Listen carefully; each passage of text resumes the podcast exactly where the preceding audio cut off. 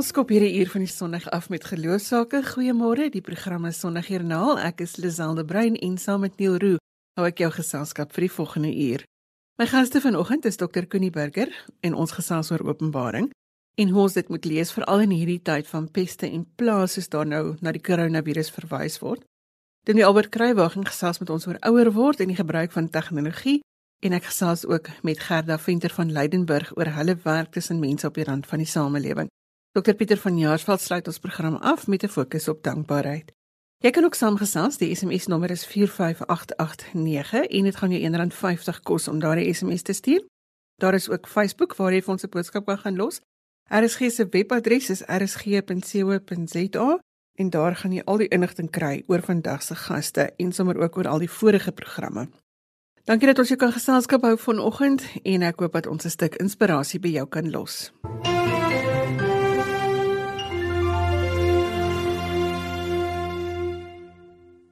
Dr. Connie Burger sluit vanoggend by ons aan om te gesels oor die boek Openbaring.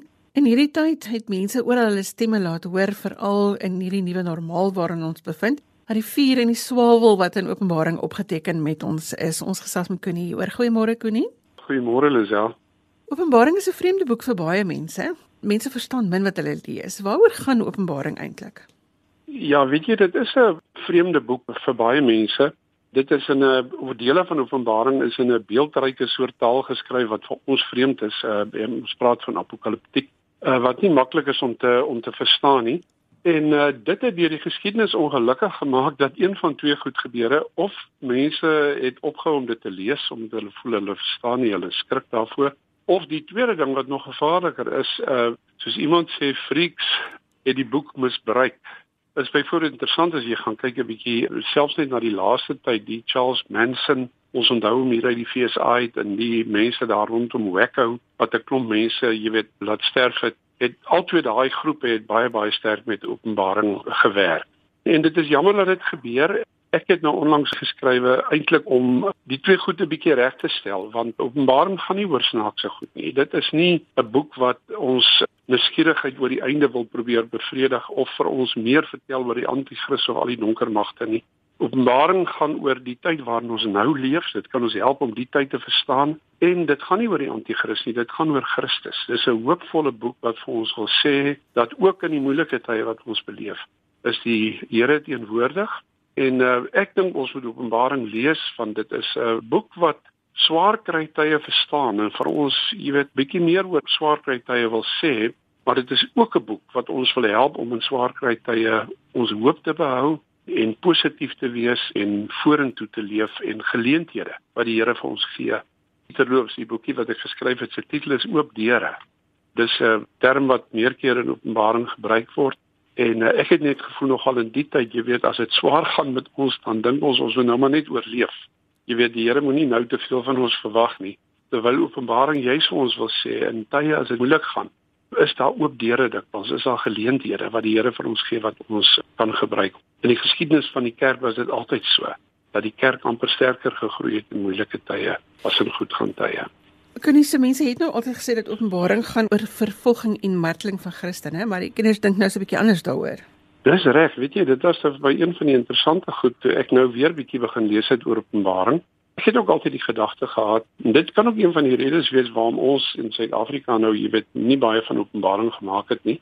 Die gedagte dat dit geskrywe is aan 'n volk wat of kerk wat vervolg is, waar mense gemartel is en allerlei swaar goed met hulle gebeur het kenners wat nou kyk na Openbaring sê van ons dat dit nogal nie so was nie.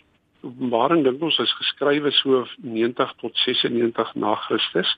20 jaar vroeër, in die tyd van Nero was daar vervolging van die Christene en ek wil sê 10, 20 jaar na Openbaring was daar weer harde vervolging.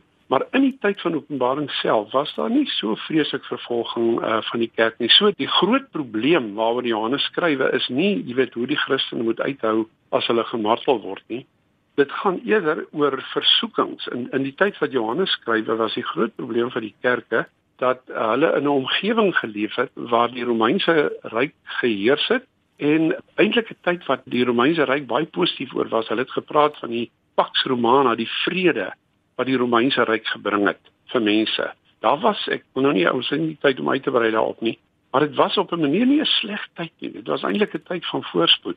En in daai tyd was daar baie groot druk op die Christene om mee te doen met hierdie voorspoed, jy weet, materiële voorspoed veral. As jy 'n bietjie nie te ernstig was oor jou geloof nie, kon jy goed geleef het en goed gedoen het in daai tyd. En Johannes skryf eintlik om die Christene te waarsku om dit nie te doen nie. Om te sê die ouens wat hulle vir julle voorhou is beloftes wat nie waargemaak sal word nie een van die beter kommentare sê dat die die groot gevaar in Openbaring wat vir die Christene voorgehou word is is dat hulle bedrieg word deur dit wat die wêreld vir hulle voorhou en vir hulle beloof. En 'n belangrike ding vir gelowiges wat sentraal staan in Openbaring is dat ons moet leer om met geloofsoë na die lewe en na die wêreld te kyk. 'n uh, Sentraal in Openbaring is nogal Openbaring 4 en 5 waar Johannes se prentjie kry op God en op Jesus. En die hele boek gaan eintlik daaroor dat ons na die lewe en na die wêreld moet kyk deur die oë van God en deur die oë van Jesus dat ons die versoekings kan sien en kan wegbly daarvan af. Kan jy die een ding wat ek vinnig wil stil staan is die die middelste gedeelte van Openbaring, daar waar dit so 'n bietjie rof gaan. Hulle praat oor rampe en allerlei ellendes en verskriklike dinge wat die wêreld gaan tref. Hoe moet ons dit verstaan veral nou met die virus op ja, almal se ja, lippe? Ja. Weet jy, dit is nogal belangrik, uh, Lisel. Ek dink dit is so daai middeldeel van Openbaring is wat mense skrik maak. Dit klink baie erg en rof. Ek wil nou nie te lank daaroor praat nie, maar laat ek twee goed sê. Ek dink 'n belangrike sleutel wat ons kan help om 'n bietjie perspektief te kry op daai middeldeel. Die rampe en ellende sê goeie uitleggers vir ons herinner baie sterk aan die pla in Egipte as jy dit nou lees sal jy sien jy weet dis bloed en baie van die pla in Egipte se se prentjies kom terug hier in daai deel. En uh die uitlegger sê dat een van die goed wat Johannes waarskynlik vir die Christene wou sê is hy wil hulle help ook om die tye waarin hulle geleef het te verstaan. En 'n belangrike ding was om hulle te sê julle moet onthou julle kla nou 'n bietjie oor dit swaar gaan en so aan, maar julle is nog nie in die hemel nie. Julle is nog hier op aarde. Die hemel lê nog voor hemel kom nog, die nuwe hemel en die nuwe aarde. Ons lees daarvan in die laaste 3 hoofstukke, maar julle is nou nog nie daar nie. En dan gryp hy terug na die Ou Testament om hulle te sê, onthou julle, na die volk bevry is uit Egipte, het hulle nie dadelik in die beloofde land ingetrek nie. Daar was 'n 40 jaar wat hulle in die woestyn was, waar hulle swaar gekry het, waar dit moeilik was. En uh, dit is hoe die lewe werk. Ons is nou nog nie in die beloofde land nie. Ons is nou nog hier op die aarde waar dit moeilik gaan en swaar gaan by tye. Daarom die opskrif wat ek gegee het vir die hoofstuk is uh kom eintlik uit 'n boek wat iemand geskryf het. Die Engelse titel was The World is not working. Die wêreld werk nie so goed op die oomblik nie. En ons as Christene moet ons oppas, ons kan onsself baie seermaak. Ons kan mense rondom ons seermaak omdat ons eintlik dink dat die wêreld wonderlik is en wonderlik behoort te wees en ons behoort nie swaar te kry nie. Goed soos hierdie COVID behoort nie te gebeur nie. Jy weet, daar behoort genoeg geld vir almal te wees. Dit is nie waar ons is nie. Die wêreld is teer mekaar. Dit is die tye waarin ons leef en ons as Christene moet dit verstaan en dit onthou. Ek probeer ook 'n bietjie sê ons kan nie nou daarin ingaan nie, Lisel, maar dit van die moeilike vrae vir Christene is hoekom die Here lyding toelaat? Hoekom die Here sulke goed toelaat? Is baie moeilik hier om te antwoord Maar daar is 'n paar goed wat mense oor kan sê en wat ons kan help om hierdie negatiewe goed, hierdie rowwe goed van die lewe te verstaan. En oor COVID dink ek sê dit vir ons goed soos COVID gebeur en dit kan weer gebeur. Maar die belangrike is om te onthou dat die Here ons glo, Christus is die Here. Hy sit op die troon. Hy sal klaarmaak wat hy begin het. En selfs in die tyd nou wat dit swaar gaan, kan die Here ons leer en is daar geleenthede vir ons om vooruit te kyk. Binne vir die week wat voorlê, dis vroeg Sondagoggend, ons is besig om die week in te gaan. Wat is jou inspirasie boodskap? Wat moet ons leer uit Openbaring? Ek sal sê twee goed. Ons moenie te groot skrik vir moeilike tye nie. Openbaring wil vir ons sê Openbaring 4 en 5, God sit op die troon en Jesus kan die boekrol oopmaak. Hy kan hierdie moeilike tye vir ons hou vas, vir ons deur te help en hy sal die beloftes wat hy vir ons gemaak het, sal hy waarmaak aan die einde. En ons moet oppas dat die moeilike tye waarin ons leef, ons nie so te neerdruk dat jy weet ons oop toe gaan en ons nie sien watter geleenthede die Here vir ons in die tyd uh, gee nie. Ek dink nogal groot deel van die lewe is 'n leerskool. En ek dink uh, ons as kerk, ek sien dit gelukkig gebeur hier en daar. Ek dink 'n belangrike ding Lisel wat meer mense hoor ek vermoed is om te sê die lewe na Covid gaan nie presies dieselfde wees as die lewe voor die tyd nie. Hier is goed wat nou geskuif het. En dele van kan die lewe moeiliker maak, maar dele daarvan kan ook vir ons nuwe geleenthede gee. En ek dink in die kerke moet ons gesels daaroor. Wat leer ons uit COVID? Negatiewe goed is redelik duidelik, maar watter positiewe goed mag hier wees? Wat ons dalk kans kry die volgende jaar of 2, 3, 4, 5 wat ons nie sou gekry het as dit nie hiervoor was nie. So as gelowiges laat ons positief bly en laat ons nie die oop deure wat die Here dalk in die tyd vir ons gee miskyk nie. Dr. Connie Berger het vanoggend met ons gesels oor Openbaring en wat ons daaruit moet leer in hierdie tyd waarin ons leef.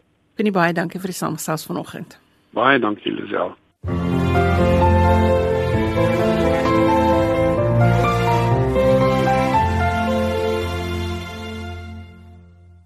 As jy sopas ingeskakel het, sê ons goeiemôre. Die program is Sondagjoernaal waar ons fokus op die inspirerende dinge wanneer dit by geloof kom. Hier by ons het ons vroegoggend al vir 'n paar goed dankie gesê en dit het Niels se frons in 'n besliste glimlag verander. So ek wil jou aanmoedig om vir iets dankie te sê vanoggend.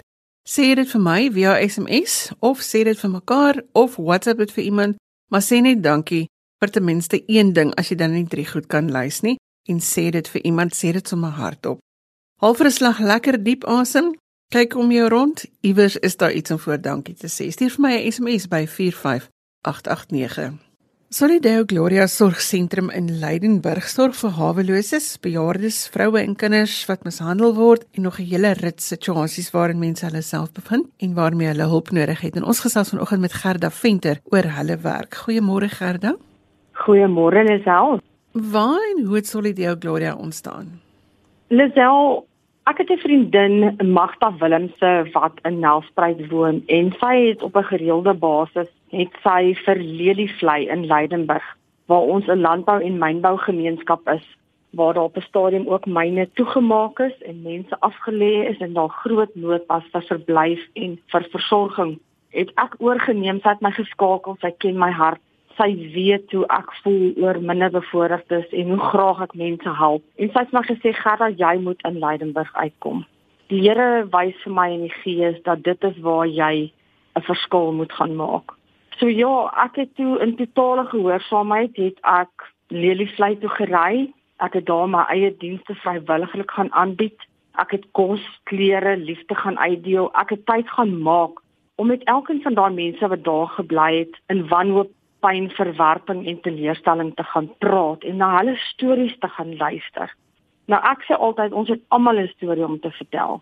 Elkeen van ons het 'n verhaal wat ons kan vasvang. Ons kan dit skryf op papier, ons kan dit in 'n boekvorm sit. Maar daar's 'n begin, daar's 'n middel en daar is 'n einde.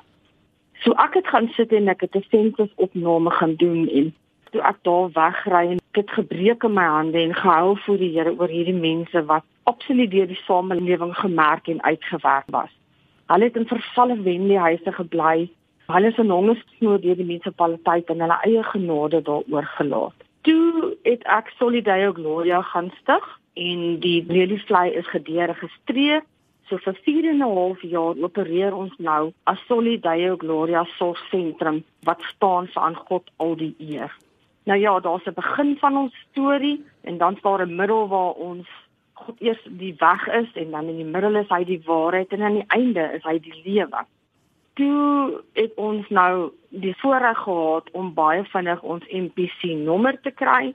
Ons het ook 'n PBO nommer gekry, so as 'n nuwensgewende organisasie sorg ons dan vir minderbevoorregtes en afhanklikes en haweloses. Nou ons bied hierdie mense wat by ons kom aanklop bied ons dan vir hulle by Solidaire Gloria Sorgsentrum 'n plek van hoop, 'n plek van sorg, versorging en omgee. Ons bied vir hulle lewe in oorvloed en dan die belangrikste gedeelte vir ons is om hulle restaurasie en transformasie te bring. Ons leer vir hulle wie is hulle werklik in Christus. Wie het God hulle gemaak om te wees en nie wat mense se opinies van hulle is nie. So geloof speel 'n belangrike rol in dit wat jy doen, maar watter rol speel dankbaarheid in dit wat jy doen? Want geloof is die hoofrol en die hoofkarakter van die boek wat ons besig is om te skryf in die Here. Want dit is die doel en die wil en die plan vir die wat stikkend en seer is, wat deur die lewe verwaai en traumaties gewond is. Hulle sê ons kan nie sonder geloof, hoop en onvoorwaardelike liefde herstel en verandering bring nie. Dit kan net doeteenvoudig nie plaasvind nie. Want ons dien 'n God van wonders. Hy is ons anker en hoop. Vader het vir ons beloof in sy woord Jeremia 29:11 en 13 dat hy weet wat hy vir my en jou beplan, wat hy vir die man op die straat beplan voorspoed en nie teenspoed nie. En ons moet kom en vir hulle weer daai hoofrol van geloof moet ons vir hulle teruggee. En as ons kom by dankbaarheid? Dankbaarheid vir my loop baie hand aan hand met nederigheid en dis dan ons reis. Dis dis die pad wat ons gaan loop na geloof waar ons vir hulle daai geloof in aksie kom oorsit. Maar ek kan vandag vir jou vertel dat dit nie net oor hulle geloof en aksie gaan nie baie dae word ek in my eie mens wees so gestig en my geloof en my my kragte en die werklikheid van waarheen ons op pad is in ons geloof met die Here so gebou as ek sien hoe hierdie mense met dankbaarheid staan wanneer jy vir hom 'n plekkie gee om in te bly. Hulle gee nie eens om of die Wendy huis of die sementkamer uitmekaar uitval nie. Hy's maar net te dankbaar om van die strate af te kom. Ek sit met 'n dankbare hart wanneer ek die krag van gebed sien wat ons dra deur hierdie swaar tye. Terwyl Vader in voorbereiding is met die voorsiening vir ons genesing, ons restaurasie, kos, klere, daar is alles wat ons hulle bied. As hulle inkom, maak ons seker dat hy veilig voel. Ons verwelkom hom, ons laat hom tuis voel. Ons stap 'n pad met hom. Hy sien 'n sielkundige op 'n Dinsdag. Ons doen groetterapies op 'n Woensdag. Donderdag bring ons lering Sondag bied ons vir hulle 'n kerkdiens. Maar ek wil vandag net een ding sê. Die woord dankie is baie klein. Dit is so klein dat ons ons dankbaarheid teenoor God, sy rentmeesters en sy verteenwoordigers nie genoeg kan beklemtoon nie. Ons het regtig 'n dankbare hart teenoor mense wat verstaan en begrip het vir weduwees, kinders, die gestremdes en die wat ly. Die Here leer vir ons in Galasiërs 5, ons moet die praktyke van die vlees agterlaat en die vrug van die gees in ons lewe begin toepas. En vandag kan ek eintlik soveel getuienisse bring. Die Here is so goed vir ons. Die Here is nie net goed vir die mense wat ons invat en help nie. Hy is ook goed vir ons wat ons dienste aan. Hy kom wys vir ons dankbaarheid. Ons kan nie sonder 'n dankie nie, want die Here stuur sy mense sy verteenwoordigers om vir ons 'n verskil te kom maak. Wat gaan word as ons nie daai mense het wat ons op hulle hande dra nie? Is daar van daardie mense wat weer op hulle voete kom? Is die proses suksesvol? Ek het soveel getuienis om te vertel van die verskil wat in hulle lewens gemaak word. Kyk, ons moet ook nou nie vir onsself jok nie en ons moet ook nou nie agter maskers rondloop soos wat ons deesdae moet doen as gevolg van hierdie ou grendelstaat wat mense 'n bietjie 'n demper op jou geloof en jou hoop en jou liefde plaas nie want dis ons oorhoofse deel waaraan God ons vashou. Daar's mense wat kies en daar's mense wat sukkel. So ons stap met hom 'n langer pad. Maar wanneer hulle inkom, doen ons 'n maatskaplike evaluasie. Ons doen met hom basies 'n kontak fisiese onderhoud ons loop met hom 'n pad van 21 dae. Ons kyk na die gedragspatroon, ons kyk na die behoeftes. Die hartseer nou is daar kom mense in wat werklik nie weet en ken en voel hoe dit is om 'n hawelose minderbevoorregte te wees nie. Hy kom uit 'n goeie posisie en situasie waar die myne nou toemaak en hy sy werk verloor en nou moet hy kom aanklop by 'n sorgsentrum. Ons verkies om dit 'n sorgsentrum te noem want ons versorg die mense daar medies en alles ongeskik maak nie saak nie. Ons praat nie van 'n informal settlement of 'n plakkerskamp nie, want ons verkies om ons mense te beskerm en hulle op te tel en hulle weet hulle laat voel dat hulle in die samelewing kan aanpas. Ja, en dan neem ons hierdie mense in, trek hulle CV's op, ons soek weer vir hulle werk en dan is die Here vir ons goed waar hy barmhartige Samaritane oor ons pad stuur om vir hierdie ou of hierdie vrou of hierdie gesin, 'n ma en 'n pa met kinders wat 'n ongelooflike behoefte het. Iemand wat aan die dood afgestaan is, wat nie meer eers 'n onderhoudjie kry nie, wat nou regtig net op sassa toelaag moet vertrou. Stuur die Here mense in die gemeenskap en die publiek om ons te kom ondersteun. Ons voel die nood in die dorp, ons voel die swaar kry, maar wanneer die Here die Here toemaak, Lisel, in daai situasie maak hy weer deure en vensters op 'n ander plek oop. En so gesels Gerda Venter van die Solideo Gloria Sentrum in Leidenburg. Gerda baie dankie dat jy 'n stuk van julle lewe wêreld met ons gedeel het vanoggend. Baie dankie Lisel.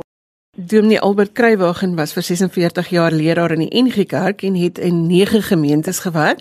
Ons gesels vanoggend met hom oor Grendeltyd en hoe hy in sy werk ouer mense gehelp het om die elektroniese media te benut. Goeiemôre Albert. Goeiemôre. Geef ons 'n vinnige agtergrond van wie Albert Kruiwagen is. Man, ek het opgegroei in 'n pastorie en ek nou tot dusver bly ek ook in 'n in 'n pastorie al behalwe nou in my eie ou huisietjie. Uh so ek het uh, die kerk leer ken van binne en van buite en reg deur my lewe. Ek het ook uh, steeds 'n uh, lopende aktuele en 'n baie wye belangstelling in die kerk, in teologie, in godsdiens, in die Bybel en in die mensdom. Ek het ook 'n redelike analitiese brein en ek lees en gesels graag uh, met mense binne en buite die kerk oor hierdie temas waaraan ek belangstel. Albert, jy is betrokke by aftree gemeenskappe. Hoe het jy gehelp dat die grendeltyd hulle nie oorweldig nie? As soos ek self ouer geword het, het ek met bejaardes begine werk. En ek is nou alreeds amper 12 jaar betrokke by Hersland te huis vir bejaardes in Kenton Park as 'n geestelike werker. Dit was vir my 'n heerlike bediening, maar toe gebeur COVID-19 en skielik is bejaardes die mees blootgesteldes. Die huise vir bejaardes word toegesluit vir die inwoners se eie welsyn. En ek ek self mag ook nie daarin gegaan het nie. Uh en dit het veroorsaak dat ek in kontak gebly het met uh, Herslandse personeel en met die inwoners deur middel van my selfoon, uh pastorale omsetskrywers en video's met uh kort oordeenkings van myself af en ek het ook gereël dat uh, ander leraars se video's daar vertoon kan word. Ek het toe agtergekom en ons het dit almal oral gelees hoe dat die bejaardes waardeloos beginne voel. Eenkant gestoot, afgesluit. Baie van hulle is nie so goed bekend en vertroud met selfone nie en hulle het dalk nie eers die nuutste modelle nie. En dit is juis hierdie virtuele hulpmiddels wat my aan die dink gesit het. En ek kom toe af op uh, die vier industriële revolusies wat die mensdom al beleef het. Ehm um, en ek dink aan woorde soos industrie, nywerheid en fabriek. Dis alles woorde wat uh, beteken om iets te doen met jou hande. En daar het ek toe nou 'n heerlike roete om te volg. Nou uh, hierdie revolusies is die ontdekking van stoom, elektrisiteit, die rekenaar en die internet. Uh die internet het nuwe woorde gevoeg by ons woordeskat. Woorde soos kunsmatige intelligensie, nanotegnologie, kwantum, data, sosiale media wat ons eintlik al ken en webinar en so voort. Uh nog steeds is hande of miskien moet ek sê vingers ter sprake daar het ons die woord digitaal dit kom eintlik dit beteken eintlik vingers. Maar dis nou juist daardie vingers wat by die bejaardes nie meer so flink is nie. En dit veroorsaak angstigheid en verwarring. Ek het toe 'n artikel geskryf vir Hersland se nuusbrief met hierdie industriële revolusies en die ontdekkings wat ek hier genoem het as agtergrond. En ek het vir die inwoners getroos en bemoedig en en gesê hulle is die geslag wat deur stoom en elektrisiteit en selfs die eerste rekenaars want dit is nou ook al ehm uh, 70 jaar terug wat die eerste rekenaar ontwerp is dat hulle die grondslag gelê het vir die koms van die internet. Hulle kinders en hulle kleinkinders gaan voort met digitaliteit. En hier het ons nou 'n kostelike kinkel in die kabel as ek dit so mag noem. Uh, ons het daar by Herfsland uh so pas 'n besluit geneem op die beheerliggaam om ondersoek te doen om optiese vesel te lê uh oral in die in die uh kamers vir dalk die volgende geslag bejaardes wat daar gaan intrek. Nou hierdie pandemie waarvan ons nou almal so praat, het die ontwikkeling van digitaliteit na hoogste rad oorgeskakel. En dit het uitgeloop op wat sommige mense noem die 5de industriële revolusie. Die kostelike Engelse term man and machine dancing together. Hierdie pandemie het ook die kerk kom leer om kritiese vrae te vra oor kerkwees in hierdie tyd. Nou ek is deel van 'n span uh, wat die Petra Church app of toepassing ontwerp het juis vir kerkwees. Ons beskryf dit met die frase jou gemeente in jou sak. Monument Park gemeente toets dit nou al die afgelope 2 maande met baie goeie terugvoer en die app is 'n verryking van 'n gemeente se bestaande digitale bediening deur middel van inligting, die jaar se kalender, al die bedienings en aksies en al alle ander hulpbronne wat die gemeente het en nuus en fotos en maniere om dankoffers uh, te kan elektronies oorbetaal. En ons werk nou reeds aan opwindende nuwe byvoegings. Uh ons het ook al reeds 'n uh, 'n uh, Facebook bladsy wat ontwikkel word. Mense kan ook daar gaan kyk. Albert, watter rol speel dankbaarheid in jou lewe? Man, ek is dankbaar as ek 'n glimlag op ander mense se gesigte kan laat verskyn. Ek is dankbaar dat ek eers in en met hierdie reuse netwerk van industrie my deeltjie kan bydra sodat lidmate Christene goed kan voel oor hulle gemeente en oor hulle kerk. En ek het uh, so pas vanoggend 'n kostelike Engelse spreek raak geloop hieroor. Let your smile change the world, but don't let the world change your smile. Ek sê gesels dan die Albert Kruiwagen van Pretoria. Dankie vir die saamgesels vanoggend Albert. Baie dankie, mooi dag.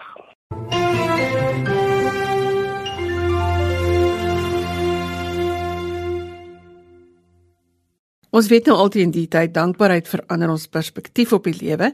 So ons nooi jou uit om vanoggend vir ons te laat weet waarvoor jy dankbaar is. Stuur vir ons 'n SMS na 45889 of gaan los ons 'n boodskap op ons Facebookblad.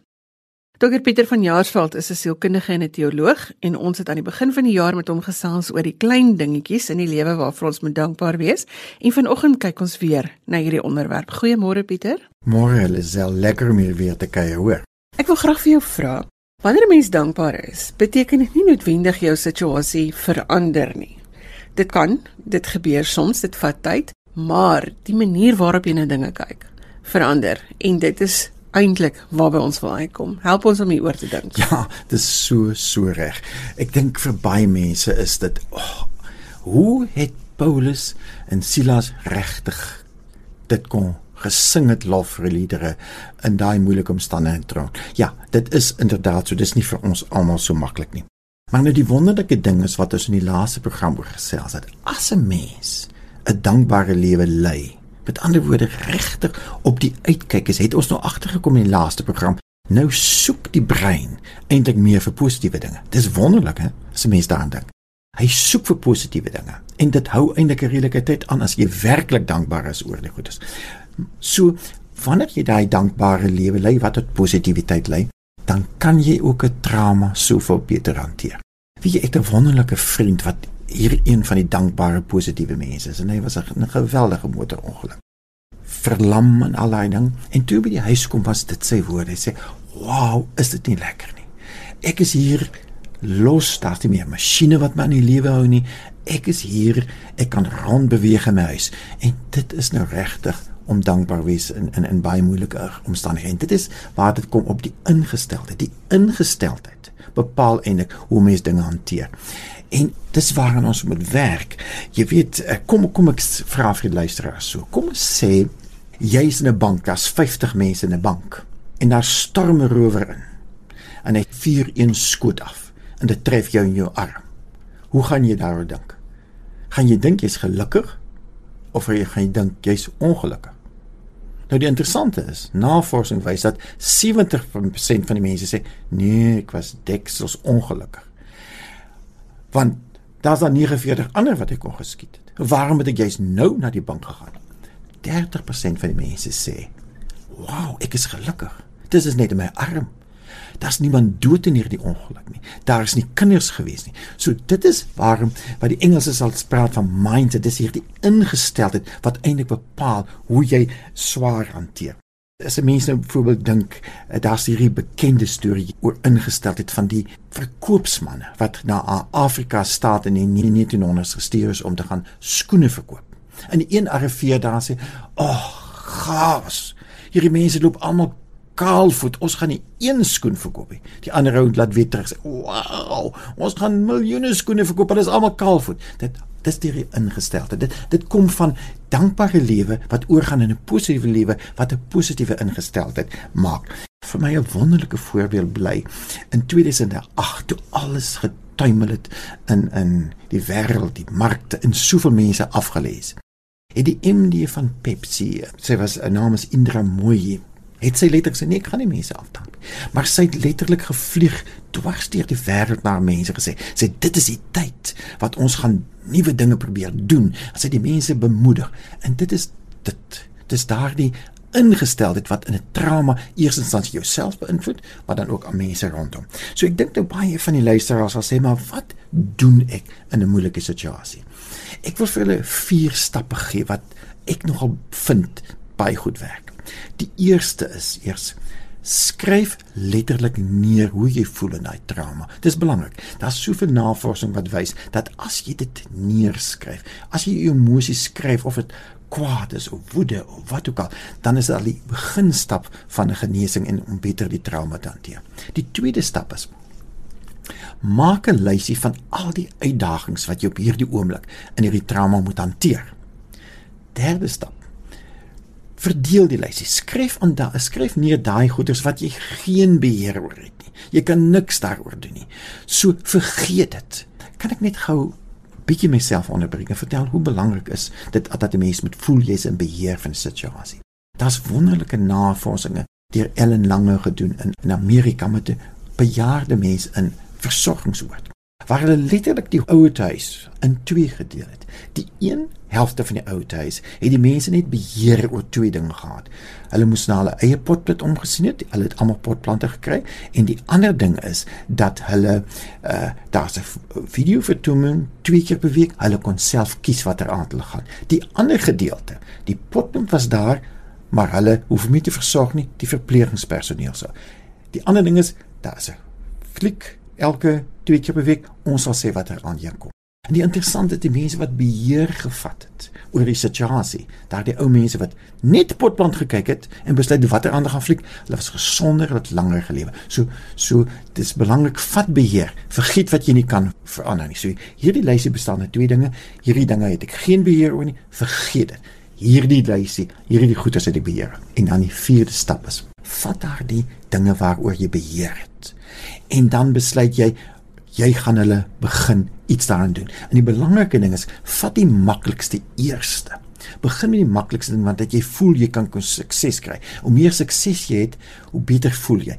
Dan gaan jy na die tweede een en dit is letterlik mense hierdie ding hanteer. So met ander woorde, ons kan en ons moet eintlik gelukkig wees deur 'n dankbare lewe te sê want dan het jy beheer oor die dinge wat jy kan hanteer. Pieter, daar's verskillende neurologiese prosesse wat plaasvind wanneer ons positiewe woorde gebruik. Ons het voorverlede week so 'n bietjie daarin geraak. Verduidelik net gou weer vir ons wat gebeur in die brein as jy as jy hierdie dankbaarheids- en positiewe ingesteldheid het. Ja. Dis nogal kompleks en ek gaan dit regtig probeer so eenvoudig as moontlik maak. Miskien net gou vir die luisteraars dat in 'n mens se brein is daar daar die amygdala. En die amygdala kyk eintlik, se wonderlik hoe die Here jou geskaap het om te sien dat jy nie in die moeilikheid beland nie. Kom 'n voorbeeld. 'n Taxi swenk voor jou. Jy swenk dadelik in. Daar uit. Jy het nie gedink wat jy moet doen nie. Dit is die taak van die amygdala. Die amygdala wil altyd kyk, is jy nie in gevaar nie. Nou is die dilemma met die amygdala. Hy weet nie altyd wanneer dit werklike gevaar is of moontlike gevaar is. Nou het jy opgebid dit moeilik by die werk gegaan en jy het moeilike emosies in en jy's gestres. En nou sê een van jou kollegas net iets in dit gooi jou totaal of en jy verloor jou meer. Dis wat geword word noem maar die kaping van die amygdala. Daarom is dit sodat 70% van die mense gedagtes is uh, negatief en eintlik speel die amygdala 'n groot rol daarin. Maar nou die wonderlike is dat die die nuutste navorsing wys dat ons kan die brein herbetraat. Hierdie werking van die amygdala moet ons verander. En as die die die uh, navorsing in die neurowetenskap sê dat as jy jou lewe verander, moet jy jou gedagtes verander. Dit natuurlik staan al in die Bybel, Romeine 12:2. Nou dis waar die wonderlike tegniek as mense sou kon of die middel in ons hande kom wat staan bekend staan as neuroplastisiteit. Wat beteken dat elke gedagte wat op 'n gefokusde manier deur jou brein gaan, verander die betrading van jou brein. Kom ons vat net die negatiewe eers. As jy vir jou almekaar sê ek is moeg, dan bou jy ek is moeg breinselle. Ek is gestres, bou jy ek gestres breinselle. Maar die wonderlike is jy kan weer sê ek is gelukkig, net goeie goed sal met my ook gebeur. Net vir jou interessant wat in die brein gebeur vinnig. Hulle het byvoorbeeld 'n uh, klomp mense gevat wat moes klavier speel. Hulle het vir hulle geleer om 'n sekere deuntjie met die een hand te speel. En vir die ander groep het hulle gesê julle gaan in julle gedagtes daai dieselfde deuntjie speel. Met ander woorde, die een groep het prakties gespeel die deuntjie. Hulle moes dit 5 dae vir 2 uur doen. Die ander het dit vir 5 dae net in hulle gedagtes gedoen. Wie wat was die verskil in die bedrading van die brein omtrent niks nie. So dis 'n wonderlike middel wat die Here in ons hande gelaat dat jy letterlik jy kan jou brein reg bedraad. So die belangrike ding wat jy moet weet is as jy positief praat, gaan jy positief leef. As jy negatief praat, gaan jy negatief leef. Absoluut. Absoluut. Pieter baie dankie dat jy hierdie dinge vir ons afgebreek het dat ons kan verstaan wat die rol van dankbaarheid in ons lewe is en dat jy dit vir ons prakties gemaak het. Baie dankie vir die saamgesels. Groot voorreg. Dankie hoor. En daarmee het tyd geword vir ons om te groet. Ek sê dankie vir my gaste, Dr. Connie Burger, Dominee Albert Kruiwagen en Gerda Venter en Dr. Pieter van Jaarsveld. Onthou dat die inligting van ons gaste op RSG se webwerf is.